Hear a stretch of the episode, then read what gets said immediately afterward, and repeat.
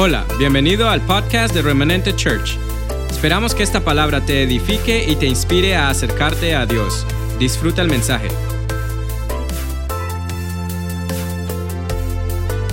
Bueno, a lo que vinimos, a la palabra. Amén. Ok, la semana pasada, la semana pasada estuvimos hablando, me acuerdo que colocamos un título, Perdidos en el hacer, encontrados en el ser, y me pegué una enredada que solo Dios sabe, ¿verdad? El martes lo pude soltar un poquitico mejor, y hoy traigo un resumen, algo más sencillo. Usamos, usamos en ese momento, Dios nos dio la historia del paralítico a orillas del estanque de Bethesda.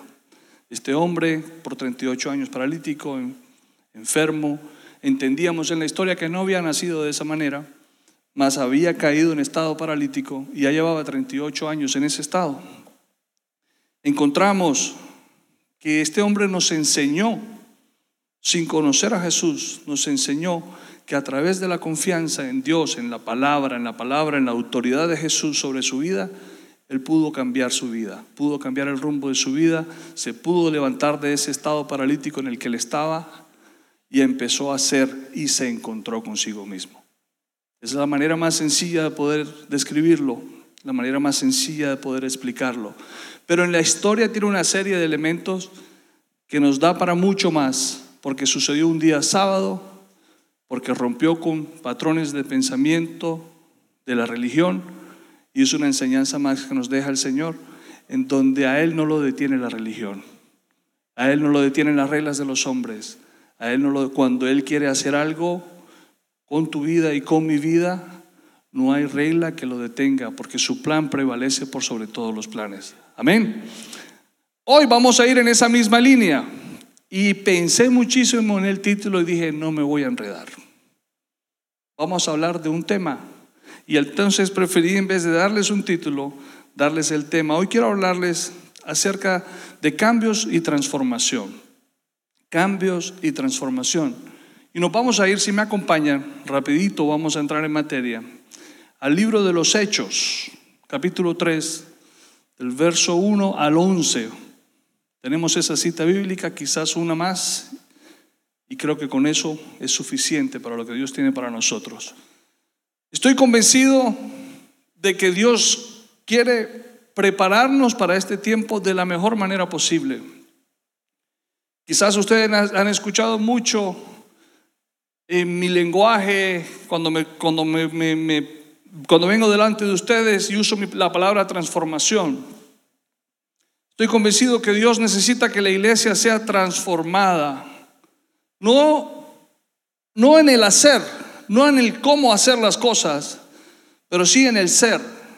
Dios necesita que estemos transformados porque cuando nosotros seamos lo que Dios quiere de nosotros, va a ser para nosotros mucho más fácil poder hacer la voluntad de Dios. Va a ser para nosotros mucho más fácil poder cumplir con el propósito por el cual Dios nos creó. Estoy convencido desde el mes de abril, finales del mes de marzo, que nosotros fuimos los escogidos para este tiempo. Fuimos los escogidos para que la gente en los años venideros hablen de la iglesia de la pandemia. Si ustedes no se habían dado cuenta, sonó el timbre a la puerta y esa es la noticia. Usted y yo nos escogió el Señor para este tiempo y de usted y de mí se va a hablar en los años venideros de la iglesia que que prevaleció en la pandemia del año 2020. Somos nosotros. Somos nosotros los que tenemos todo lo que está aquí en el depósito, todo lo que hay aquí en el depósito de parte de Dios, ahí está todo lo que se necesita para vivir este tiempo.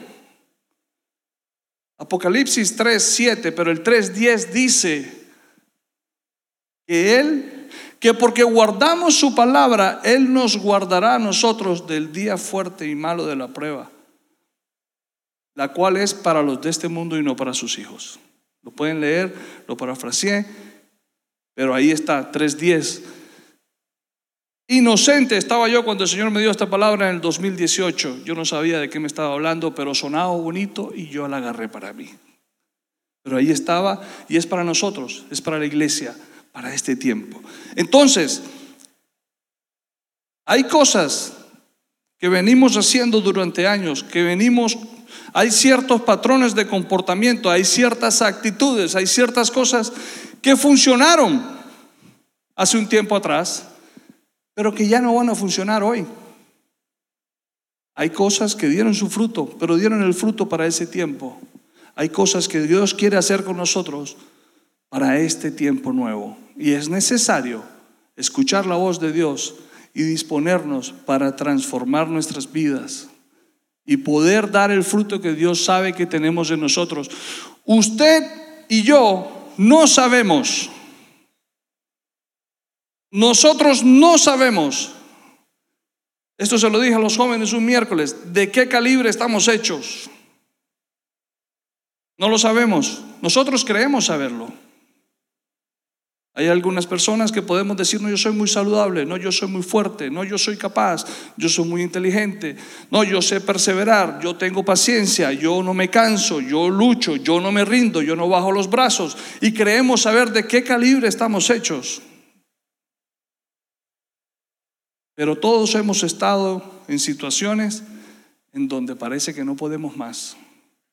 Y allí es donde Dios nos demuestra que Él es el que sabe de qué calibre estamos hechos, porque Él fue quien nos creó. Ahí es donde Él nos demuestra que Él sabe, porque Él fue que lo depositó aquí, en nosotros, y quiere usarlo. Así que dispón tu vida, dispón tu corazón en esta mañana para recibir de parte de Dios. Esto sucede en el libro de los Hechos.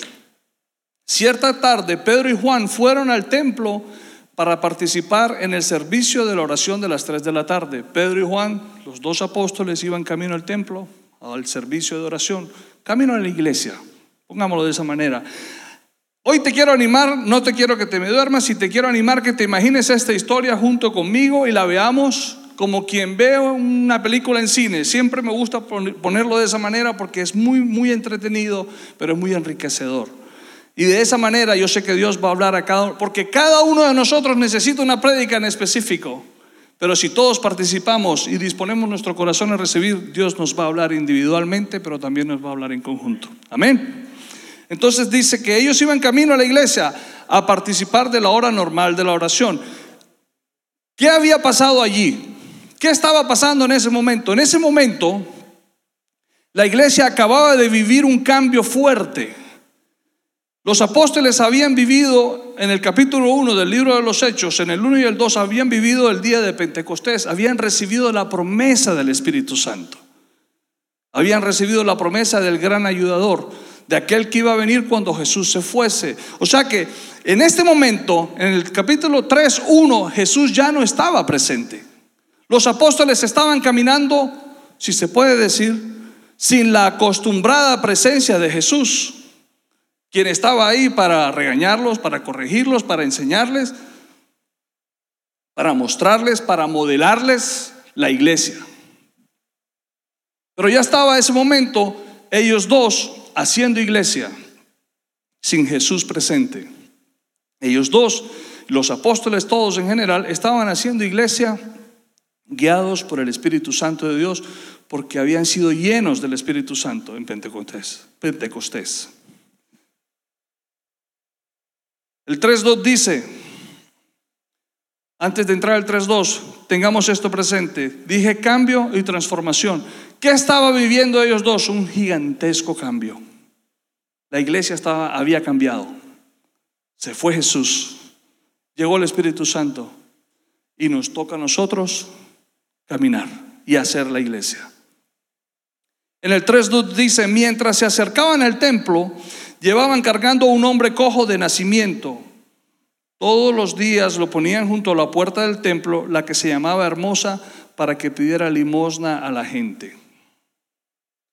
Mientras ellos llegaban al templo, camino al templo, mientras ellos se acercaban al templo, ellos no habían llegado al templo. Dice que mientras ellos llegaban al templo, llevaban a un hombre cargado.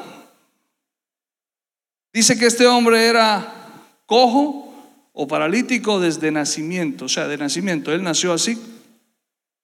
Una persona diferente a la historia del domingo pasado, porque entendíamos cuando Jesús se lo encuentra y se le presenta, le dice, cabezón, no peques más, no sea que te suceda, algo peor. O sea que su estado paralítico en el que estaba en el domingo, el hombre del estanque de Bethesda, era porque había hecho algo equivocado y esa era la consecuencia de lo que, había, de lo que estaba viviendo. Pero este no, este hombre nació así, no tiene culpa. Y dice que llevaban a este hombre cargado a donde él estaba acostumbrado siempre estar.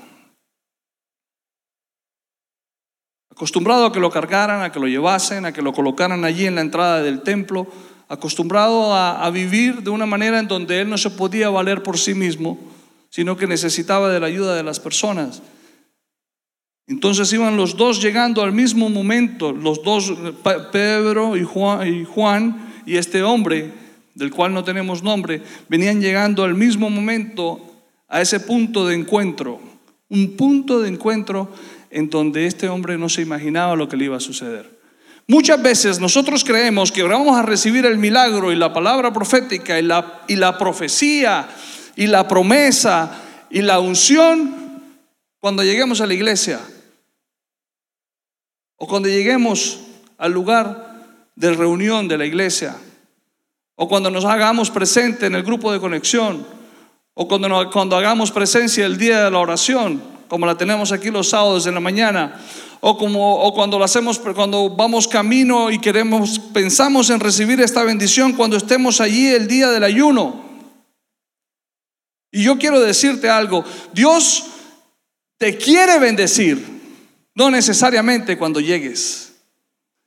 Es más, Él ya tiene preparada la bendición para tu vida. Él ya tiene preparada la bendición para tu vida. Él, tú vienes en camino y ya Él te quiere bendecir. No necesitamos, es que creemos, vuelvo a lo mismo, creemos que necesitamos llegar para ser bendecidos, para recibir la bendición. Porque creemos que si no llegamos, no la perdemos. Creo que eso lo hemos escuchado bastante. Ay, hermano, te la perdiste. No estuviste. ¿Verdad? Ay, pero es que esto era para mi hermano que no vino, mi hermana que no estuvo, se la perdió.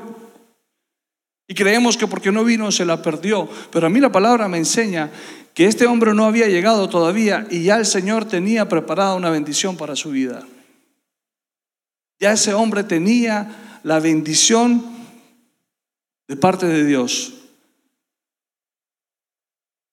Es un concepto religioso el creer que porque estamos en la iglesia somos bendecidos.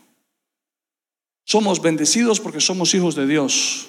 Somos bendecidos porque Dios tiene un plan con nuestras vidas. Somos bendecidos porque hay una promesa de vida sobre nosotros. Somos bendecidos simple y llanamente porque Dios quiere, porque Dios quiso, porque no hay nada que hayamos podido hacer nosotros para recibir su gracia, su favor, su amor. Nada, no hay nada que hayamos podido hacer. Somos bendecidos porque a Dios le da la gana de que seamos bendecidos. Así de simple. Así de simple. Pero nuestra mente nos juega aún unas trampas donde nos ponemos unas cargas que son innecesarias muchas veces. Cuando el hombre vio que Pedro y Juan en el 3.3 estaban para entrar, a punto de entrar, les pidió dinero. Él se le, estos dos hombres iban de paso. Imagínense esto, ellos dos van caminando y él también está llegando al punto de la puerta y ellos van pasando y él está llegando y ellos van pasando y él está llegando. Él no ha llegado todavía a su puesto y desde lejos les dice, ¡ey, ey, ey, ey! Una limosna. Se me van a pasar dos clientes. ¡Ey, ey, ey, ey, ey! Con el vasito, plin, plin, plin, plin, plin, plin, plin. No no, que no se me escapen. Se me está yendo el negocio. Él los vio pasar y casi se le escapa. Los dos hombres. Acostumbrado a hacer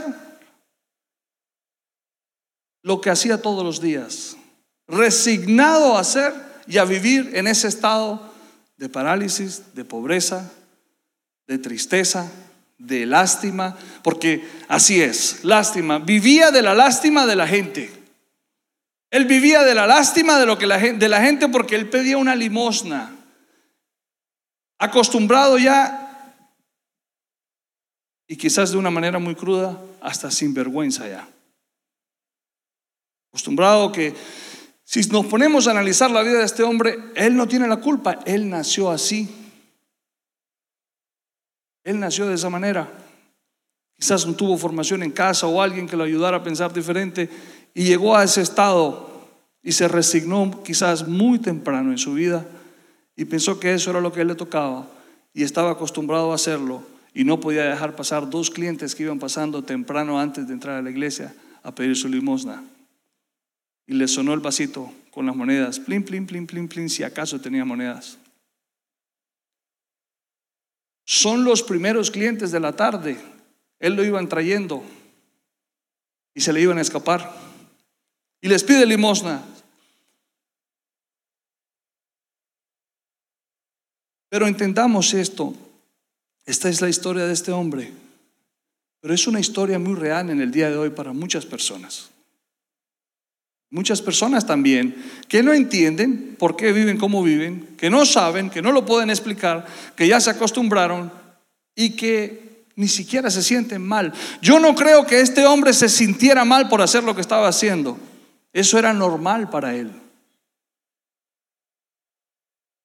Y así, así habemos muchos hoy en día, convencidos de que estamos en lo correcto, porque esta es la manera en como a mí me tocó porque esta es la forma como yo nací, porque igual yo nací de esta manera y bueno, mi destino.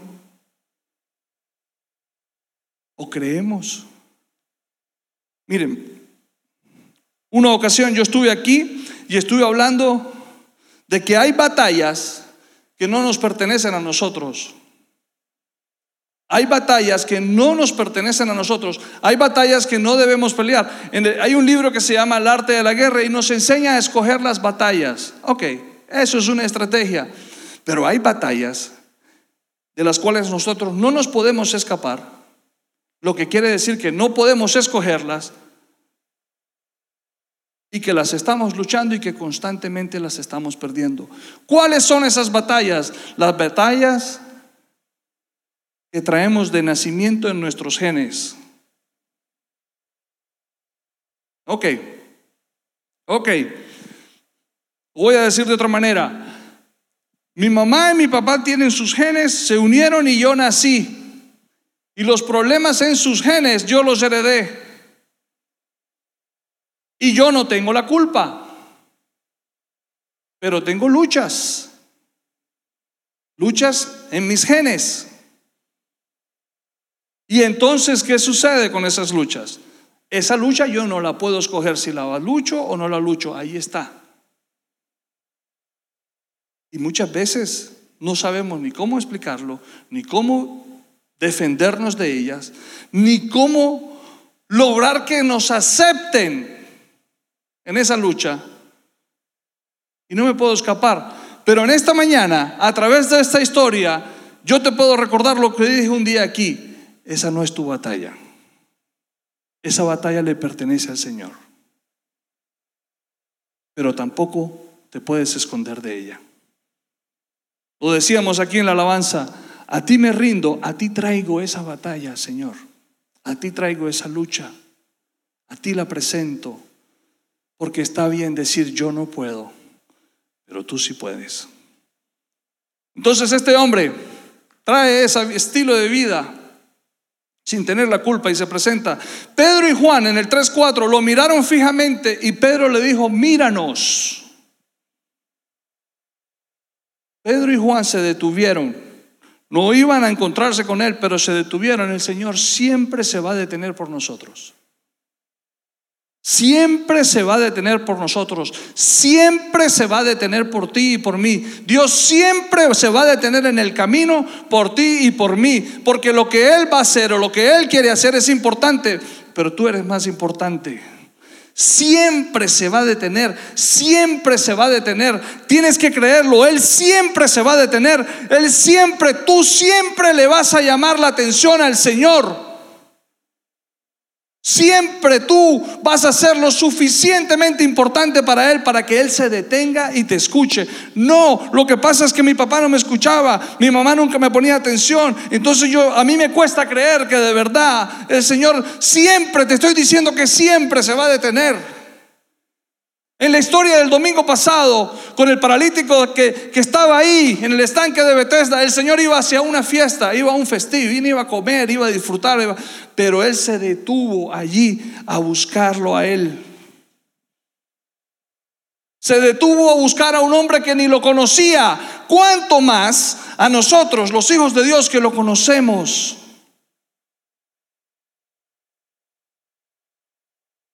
Él siempre se va a detener por ti por mí. Siempre tú eres importante. Siempre se va a detener. Siempre te va a estirar la mano. Siempre te va a ayudar. Siempre te quiere ayudar. Siempre te quiere sanar.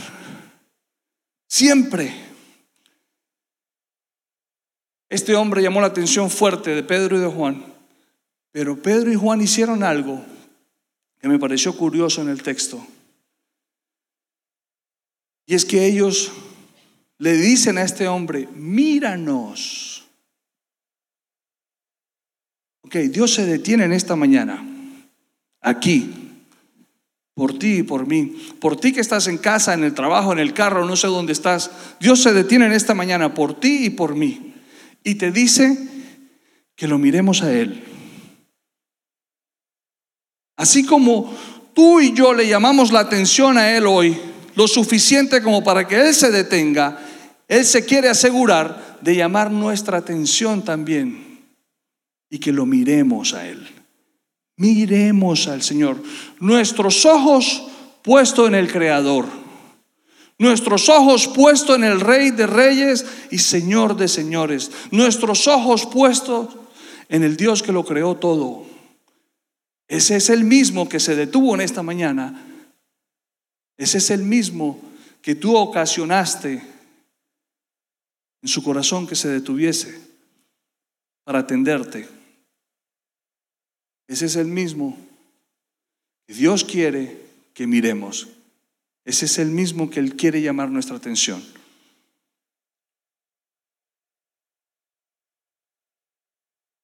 Ellos se aseguraron de igual manera llamar la atención de Él. Hasta el punto hasta el punto que ellos, cuando lograron capturar la mirada de este hombre, la atención hacia ellos, provocó en este hombre que estaba ahí postrado en el piso ansiedad por recibir lo que ellos le iban a dar.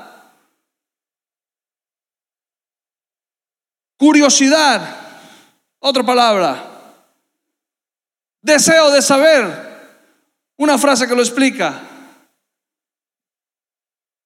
Este hombre se queda mirándolos. Yo creo que nadie nunca les había dicho a él, ok, pero míranos a nosotros. ¿Qué manera es esta de dar una, una limosna? La gente pasa y tira la limosna sin mirar y sigue. La gente pasa y pone el dinero ahí en el piso y sigue porque es que están en la vía y van rápido y no pueden llegar tarde. Pero este hombre, dos hombres se detienen y le dicen, ok, pero mírame a la cara, míranos, mírame a los ojos. ¿Tú te imaginas lo que pasó en ese momento en ese paralítico? Ese hombre dijo, espérate, esto es diferente, esto es raro, a mí nadie me había dicho que los mirara de esta forma.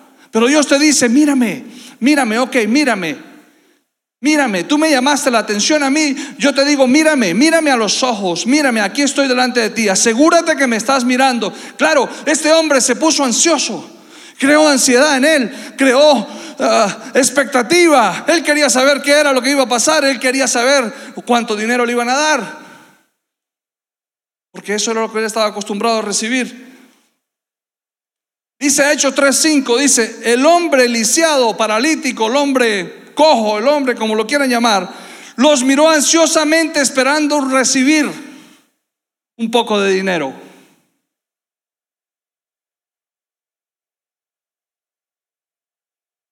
Yo te tengo dos noticias, una buena y una mala, y las dos es la misma. Dios te quiere bendecir en esta mañana. sobreabundantemente, sobrenaturalmente. Dios quiere traer a través de esta bendición un cambio a tu vida. Esa es la buena noticia. Y también es la mala, porque no solamente es dinero lo que Dios nos quiere dar. Porque creemos que vamos a solucionar todos nuestros problemas con dinero. Muchas veces estamos convencidos, si yo tuviese dinero, yo no estuviera atravesando por esta. Si yo tuviese dinero, quizás me trataran con mucho más respeto. Y resulta que el problema no es de dinero, sino de rechazo. Si yo tuviese dinero, me tuvieran en cuenta lo que yo digo. Si yo tuviese dinero, no me hubiesen hecho tanto daño. Si yo tuviese dinero, no estuviera aquí postrado pidiendo limosna y viviendo de la lástima. Dios quiere bendecirte. Dios te quiere bendecir con abundancia, con bendición hasta que sobreabunde. Ese no es el problema. Dios te quiere bendecir con bienes. Dios te quiere bendecir con herencia. Dios te quiere bendecir de una manera que no nos podemos llegar a imaginar. Este hombre estaba a punto de vivir el cambio más grande en su vida. Él ni siquiera se imaginó que él nunca se lo pudo haber imaginado, porque tú y yo podemos llegar a imaginarnos cosas, ojo con esto que le voy a decir, las cosas que usted y yo nos podemos llegar a imaginar de recibir de parte de Dios en bendición, todas son cosas que conocemos y que tenemos referencia de ellas. Un viaje a Italia, un mejor carro, una vida plena de salud, muchos nietos. Pero todo eso es lo que hemos visto. Todo eso es lo que conocemos. Pero este hombre, ¿cómo podía él pensar en caminar si él nació así? ¿Cómo podemos nosotros llegar a pensar que vamos a vivir la liberación, el cambio radical en nuestra vida con esta lucha en los genes si los traemos desde que somos niños y no conocemos nada diferente. No la conocemos.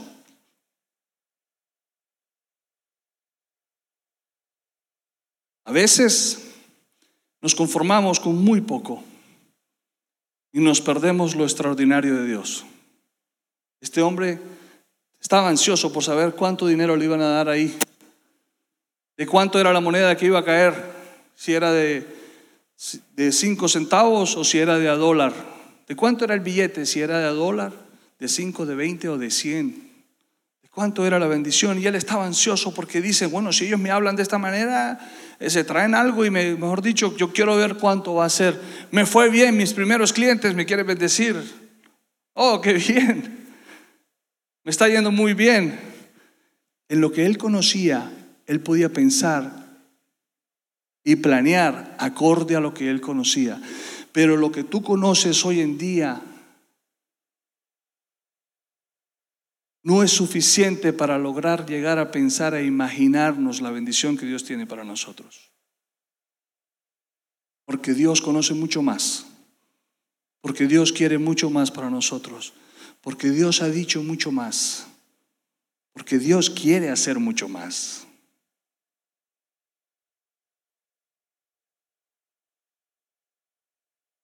Pero Pedro le dijo,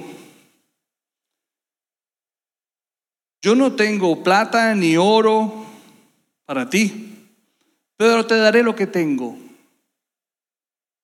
En el nombre de Jesucristo de Nazaret, levántate y camina. Te daré lo que tengo, te dice el Señor. Te aseguro que Pedro sí tenía dinero. Te aseguro que sí tenía plata, oro, seguro que sí. Pero en ese momento el dinero no era lo importante. Lo importante era cambiar la vida de ese hombre. Lo importante para nosotros en esta mañana, los que estamos aquí presentes, los que están en casa, en el trabajo, los que están conectados, para los que van a ver este servicio grabado más adelante, hoy, mañana, pasado, más adelante. Lo importante que Dios quiere hacer en nuestras vidas es ocasionar un cambio tal en nosotros, que vivamos un cambio tal en nuestras vidas, del cual podamos ser libres, del cual nos podamos levantar, del cual podamos proyectar nuestra vida diferente, del cual podamos bendecir a otros, del cual podamos disfrutar el día a día, no importa la pandemia, no importa quién sea el presidente, no importa quién sea el presidente, quítate esa carga de los hombros. Vuelvo y lo digo, Dios gobierna. Dios gobierna en la Casa Blanca de este país. Dios gobierna sobre el presidente de esta nación. Dios es quien tiene el control. Quítate esa carga, esa preocupación. ¿Y ahora qué vamos a hacer? ¿Y cuál es la reforma migratoria? Y entonces nos van a cerrar otra vez. Y entonces van a otra vez que, que ya van a decir que tenemos, que no podemos salir. Y quítate esa carga de encima. Dime si hasta el día de hoy, hasta el día de hoy no ha tenido Dios cuidado de ti y de mí. Entonces, ¿qué va a cambiar de aquí en adelante si sigue siendo el mismo Dios del mes de marzo? Es el mismo Dios de este mes de noviembre. Es el mismo Dios de hoy. Es el mismo Dios que tiene control de tu vida, de mi vida, que tiene control del presidente de esta nación. Es el mismo Dios que gobierna y que reina sobre reyes. Él, lo dice la palabra, no lo digo yo, ni lo digo porque suena bonito. Ahí está en la palabra. Él es quien gobierna y reina sobre reyes. No limitemos a Dios con nuestro pensamiento, no limitemos a Dios con nuestro estado de ánimo, no limitemos a Dios con nuestra molestia, con nuestro resentimiento.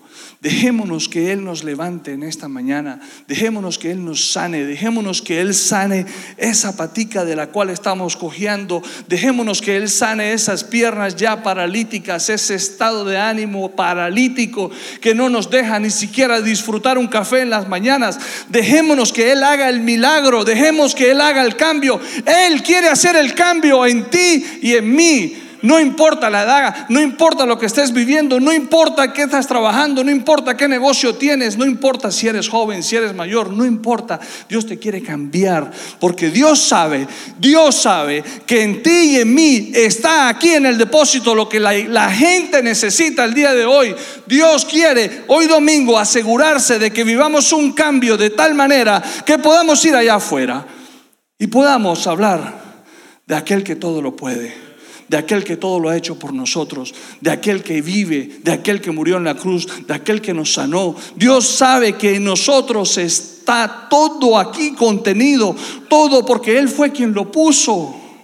Él fue el que nos creó, Él fue el que lo depositó y Él quiere sacarlo a la luz, pero nosotros lo limitamos con nuestros pensamientos, lo limitamos con nuestros conceptos religiosos, lo limitamos con nuestra, con nuestra propia lástima. Lo limitamos con nuestro dolor. Lo limitamos con nuestra preocupación de quién va a ser el presidente. Dios te dice hoy en esta mañana, no, no, no, no te distraigas, sigamos con el plan que yo tengo. No, no, no, no, no, no. Yo tengo, yo, por eso no lo voltees a mirar, tú y yo, tú y yo. Mírame, mírame a los ojos, mírame a mí. Trabajemos los dos, hagamos esto, tú y yo. Es el un uno a uno que Dios quiere hacerlo en esta mañana. Es en un uno, uno, iglesia, tú que estás en tu casa, que Dios lo quiere hacer en esta mañana. Él te quiere transformar, Él te quiere sanar, Él te quiere levantar. Yo no tengo plata ni oro para ti, porque ahorita mismo ese no es el problema. Porque has recibido plata y oro ahí acostado por muchos años y todavía sigues ahí acostado. Ese no es el problema. En el nombre de Jesucristo de Nazaret, levántate en esta mañana. Levántate, iglesia. Levántate, joven. Levántate. Levántate. No es dinero. No es dinero. Dios quiere que seamos. Dios quiere que seamos a través de lo que Él está haciendo en esta mañana. Nunca nos va a dejar solos. Nunca te va a dejar solos. Así como Él siempre, como tú siempre le llamas la atención para que Él se desvíe de su camino y venga a tu encuentro, Él también te dice que nunca te va a dejar solo. No lo digo yo, lo dice la palabra. Por lo tanto, vayan y hagan discípulos de todas las naciones, bautizándolos, bautizándolos en el nombre del Padre, del Hijo y del Espíritu Santo. Enseñan a los nuevos discípulos a obedecer todos los mandatos que les he dado. Para los apóstoles es esto, para la iglesia, para nosotros. No se dejen confundir por el título. Esa es una prédica que viene más adelante. No se dejen confundir por el título. Esto no era solamente para los apóstoles, es para los hijos de Dios. ¿Ok? No se dejen confundir porque los títulos nos confunden para bien y para mal. No se dejen confundir. Y dice, enseñen a los nuevos discípulos a obedecer todos los mandatos que les he dado. Y tengan por seguro esto. Me gusta porque dice, tengan por seguro esto. Y yo lo leo en la palabra y tiene dos puntos, porque quiere hacer, hacer énfasis en la siguiente frase. Y dice, yo estoy con ustedes siempre hasta el fin de los tiempos. No estamos solos. No estás solo. Sí, yo sé que te sientes solo. Esta bendita nación tiene un sistema de vida que muchas veces durante la semana nos hace sentir solos. Es el sistema de vida de esta nación. Y que me ayude Dios con esto que estoy diciendo, pero es así. Yo también me he sentido solo entre semana. Yo también me he sentido solo en el trabajo. Yo me he sentido solo como padre. Yo me he sentido solo como hijo de Dios. Yo me he llegado a sentir solo como hombre de negocios. Pero cuando yo leí esto en la madrugada, wow, pudo el Señor tocar mi corazón y dejarme saber está conmigo hasta el fin de los tiempos. Siempre Dios está contigo y conmigo. Siempre Dios está ahí. Siempre Dios, de pronto no está tu esposo, de pronto no están tus hijos, de pronto no está tu jefe, de pronto no está el pastor, de pronto no está el apóstol, de pronto no está eh, Juancho que no vino, pero Dios está aquí presente, Dios está contigo, Dios está de tu lado, Dios te está levantando, Dios te está abrazando, siempre, siempre. Dice que hasta el fin de los tiempos, hasta el fin de los tiempos, no has visto la promesa cumplida, pero Dios siempre está ahí, ahí, ahí, al lado tuyo, hasta el fin de los tiempos. Él no te manda a luchar solo. Él no espera que tú lo hagas solo. Él sabe que no lo podemos hacer solos. Es más, mi esposo una vez me dijo algo cuando yo estaba ahí parado, nerviosísimo por subir, me temblaban hasta los dientes. Y yo temblaba, yo decía, mami, tengo muchos nervios, yo no, yo no me he sentido tanto, no sé por qué tengo tantos nervios hoy. Y ella me dijo algo que se lo compartí a Cristian en esta semana y me liberó. Me dijo, papi, tú eres solamente la guitarra. Tú eres un instrumento. Si yo soy un instrumento, Jesús la está tocando, entonces yo no estoy solo. Yo no estoy solo. Yo no estoy solo. Ahí estás aquí. Este es el bajo, ¿verdad, Juancho? Ayúdame. Ok, este es el bajo. Ahí está solito. Pero este bajo cobra vida cuando Daoberto o Juancho se colocan ahí y empiezan a jalar las cuerdas. Este piano sucede lo mismo. De hecho, ya vamos a cerrar y voy a necesitar a Luquitas. Y vamos a darnos cuenta cómo este piano cobra vida. Así es usted y yo. Así es el Señor con nosotros, por eso es que siempre está con nosotros, porque Él es el que nos da vida, porque Él es el que sabe tocar esas cuerdas que necesitamos escuchar. Él es el que sabe hundir y tocar esas teclas que necesitamos escuchar. Somos solamente unos instrumentos, pero los conceptos religiosos nos llegan muchas veces a llevar a pensar que somos nosotros, cuando el Señor es el que hace la obra. Cerremos rápidamente y les voy a, si me acompañan, dice, ¿qué sucedió en ese momento cuando Pedro le da la mano a este hombre? Sucedió el cambio, el cambio en la vida de este hombre. Y vamos a cerrar esta enseñanza, este compartir con el título, cambios y transformación. En este momento este hombre vive el cambio. Dice que Pedro tomó al hombre lisiado de la mano derecha, lo ayudó a levantarse. Pedro lo ayuda a levantarse. Dios te ayuda en esta mañana a levantarte. No sé dónde tú estás, ni sé en qué área de tu vida estás lisiado, ni sé en qué área de tu vida estás cojeando. No sé si es esperanza, no sé si es dolor, no sé si es fe, no sé si es angustia, no sé si es incluso necesidad financiera. Pero Dios te está levantando en esta mañana. Dios te quiere levantar en esta mañana. Y dice, mientras lo hacía, al instante los pies y los tobillos del hombre fueron sanados y fortalecidos. Al instante. Eso es un cambio que sucedió así. Este hombre no se lo esperaba, este hombre no entendía lo que estaba pasando, este hombre no sabía lo que le sucedía a sus pies, porque él había nacido paralítico, sus tobillos no respondían a ninguno de los mandatos del cerebro, estaban inertes, estaban ahí colgando, las piernas y los tobillos colgaban de su cuerpo. Este hombre no sabía cómo ponerse de pie. Y Pedro le da la mano y lo levanta. Y este hombre dice la palabra, lo dice. No lo digo yo, que los tobillos se empezaron a fortalecer, que los pies se empezaron a enderezar. Y este hombre logró experimentar el estar de pie algo inimaginable, algo imposible para su vida, algo que no tenía sentido, algo que él lo podía incluso estar viendo delante de sus ojos y no tenía sentido. No sé qué me pasa, no sé qué estoy viviendo, no sé qué es esto, pero estoy de pie. Así quiere el Señor sanarte en esta mañana. Así quiere el Señor levantarte en esta mañana. No, tú crees que no puedes, está bien tú sabes que no puedes, también está bien. Nunca lo he experimentado, Señor, ¿cómo lo voy a hacer? No importa. Señor, yo no he visto cómo se hace eso, ¿cómo lo voy a hacer? No importa. Dios no te está pidiendo que lo sepas, ni que lo hayas experimentado. Ni siquiera te está pidiendo, ni siquiera nos está pidiendo que, le, que nos lo hayamos imaginado.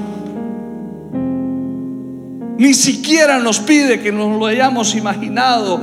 Él sabe, Él sabe. Por eso la palabra dice que nuestro espíritu sabe orar a Dios con gemidos indecibles.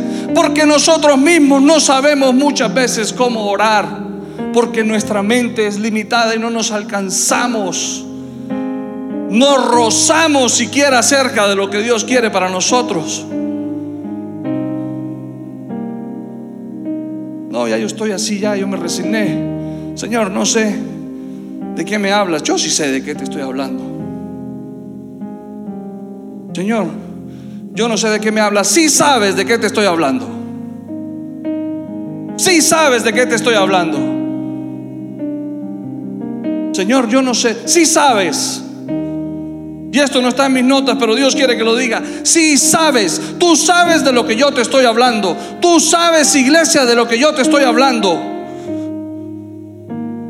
Si sabes. Señor, pero yo pensé que ya esto lo habíamos pasado, la página. Yo pensé que esto ya lo habíamos superado. tú pasaste la página. Tú la pasaste. Pero yo estoy aquí esperando todavía. Tú fuiste quien decidió pasar la página, pero yo estoy aquí esperando todavía. Tú sabes de lo que estamos hablando. Dame tu mano, te dice el Señor. Por favor, coloquémonos de pie. Dame tu mano, te dice el Señor. Dame tu mano, te dice el Señor. Dame tu mano y levántate. Dame tu mano. Se levantó de un salto este hombre. Se levantó de un salto. Él dio un salto de alegría se puso de pie y comenzó a caminar. Ustedes se imaginan eso. Este hombre que no sabía lo que era caminar, empieza a caminar.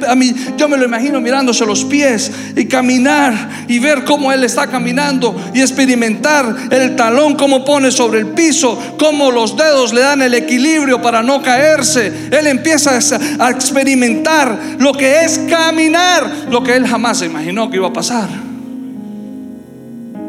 Jamás y empieza a caminar. Y dice la palabra que luego entró al templo con ellos caminando, saltando y alabando a Dios. Dramático completamente. Ustedes van a decir, no, hermano Juan Carlos, usted grita mucho.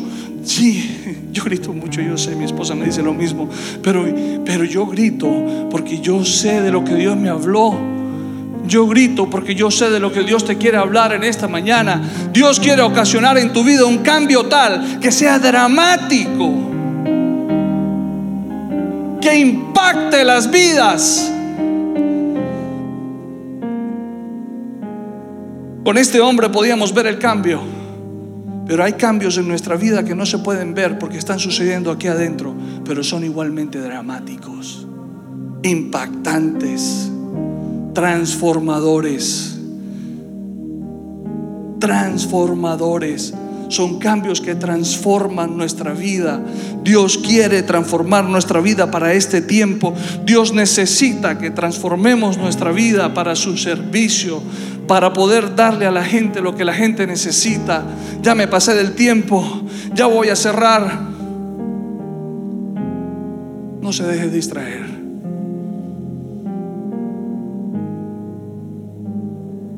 Toda la gente lo vio caminar y lo oyó adorar a Dios.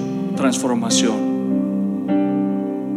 Toda la gente lo vio caminar y lo oyó adorar a Dios. Te alabo, Señor, y te bendigo. Exalto tu nombre por sobre todo nombre. Te doy gracias a ti, Señor, porque solo tú sabes, Señor, lo que yo necesitaba. Yo creía que necesitaba dinero. Yo creía que necesitaba oro y plata. Pero tú sabías que yo necesitaba caminar. Tú sabías que para mí estaba escrito que yo necesitaba caminar. Te alabo, Señor, y te bendigo. Te alabo, Señor, y glorifico tu nombre. Exalto tu nombre sobre todo nombre, Señor, porque yo nací nací así, pero no era mi final. Yo no sé tú cómo naciste, pero ese no es tu final. No sé qué estás viviendo hoy, pero ese no es tu final. Ese no es tu final. Dios te quiere cambiar, Dios te quiere transformar, Dios te quiere bendecir, Dios te quiere sanar. Yo no sé cómo naciste. Quizás tú estás acostumbrado ya, pero aún de eso que estás acostumbrado, Dios te dice, ese no es tu final. Ese no es tu final. Lógicamente lo vieron saltar, gritar, cantar, adorar. Lo vieron transformado. Este hombre fue transformado. Así Dios quiere que nosotros seamos transformados. Y que seamos evidentes allá afuera. Que la gente nos vea. Ahora, ¿cómo vamos a vivir la transformación? ¿Cómo vamos a asegurarnos, Señor, de vivir esta transformación? ¿Qué necesitamos hacer? La palabra me lo dice. Y la palabra me dice, cuando se dieron cuenta que él era el mendigo cojo de muchas veces, que muchas veces habían visto junto a la puerta hermosa, al que ya estaban acostumbrados a ver allí. Pero cuando se dieron cuenta que ese que brincaba, adoraba, saltaba y bendecía el nombre del Señor y transformaba, había sido su vida transformada, su lenguaje era diferente. Cuando se dieron cuenta que era ese hombre, quedaron totalmente sorprendidos. Llenos de asombro salieron todos corriendo hacia el pórtico de Salomón donde estaba el hombre sujetado fuertemente a Pedro y a Juan. Así quiere el Señor que tú te sujetes de él. Así quiere Dios que tú te sujetes de su mano. Fuertemente de su mano. Fuertemente de su mano. Dice la palabra que este hombre recibe el milagro. Dice la palabra que este hombre empezó a caminar. Dice la palabra que este hombre fue transformado. Pero no tomó su camino y se fue, sino que se fue con los hombres de Dios, se fue con Jesús, caminó agarrado de la mano de Jesús y dice que fuertemente, dice fuertemente sujetando a Pedro y a Juan, como quien dice, estos no se me van. Jesús no se me va. Jesús, no te me vas. Jesús, no te me escapas. Jesús, no te me escapas. Si no me bendices, Señor, no te vas. Jesús, no te me escapas. Yo te agarro de esa mano, Señor, y no te suelto en esta mañana, mi Dios. Yo declaro esa bendición, Señor, que tú tienes para mi vida. Esa bendición que yo jamás me he logrado imaginar. Esa bendición que yo no alcanzo ni a rozar con mi mente, Señor, que tú tienes para mí. En esta mañana yo me rindo a ti, Señor, y me agarro de tu mano, Señor, y no te suelto. Yo no te suelto, no lo sueltes, hermano. No lo sueltes, no lo sueltes, no lo sueltes, no lo sueltes, no lo sueltes. Señor, yo no sé de qué está hablando el pastor, pero el Señor sí sabe. El Señor sí sabe de lo que te está hablando a tu vida y a tu corazón. Y si aquí delante de la gente no quieres sujetar la mano del Señor, hazlo en tu casa, hazlo en tu lugar de intimidad, pero no lo sueltes, no lo sueltes, no lo sueltes. y vive la transformación que necesita vivir con toda la humildad que necesitamos para poder hacer la obra de Él, porque a eso hemos sido llamados. Padre, en el nombre de Jesús, Señor, yo te doy gracias en esta mañana. Te doy gracias por tu palabra. Te doy gracias, Señor, por tu presencia. Te doy gracias, Señor, porque a pesar de nuestra, nuestros límites, a pesar, Señor, de los limitantes, Señor, en nuestra mente, tú, no tú estás presente en medio nuestro y no los tienes en cuenta. Te doy gracias, Señor, porque comprendo que lo que tú tienes para mi vida va mucho más allá de lo que jamás me puedo imaginar. Te doy gracias, Señor, porque entiendo que siempre soy importante para ti, que siempre llamo tu atención, pero también en esta mañana he aprendido que siempre es importante, Señor, poner mi mirada en ti. Te doy gracias, Señor, porque también sé que nunca estoy solo, Señor, que siempre estás conmigo. Te doy gracias, Señor, porque me agarro en esta mañana de tu mano, sujeto tu mano, Señor, y no te suelto para ver mi vida transformada en el nombre de Jesús. Amén y amén. Si recibiste, dale un fuerte aplauso al Señor en esta mañana y bendice su nombre. Aleluya. Esperamos que este mensaje haya sido de bendición. No te olvides de suscribirte a nuestro podcast y seguirnos en Facebook e Instagram arroba remanente church.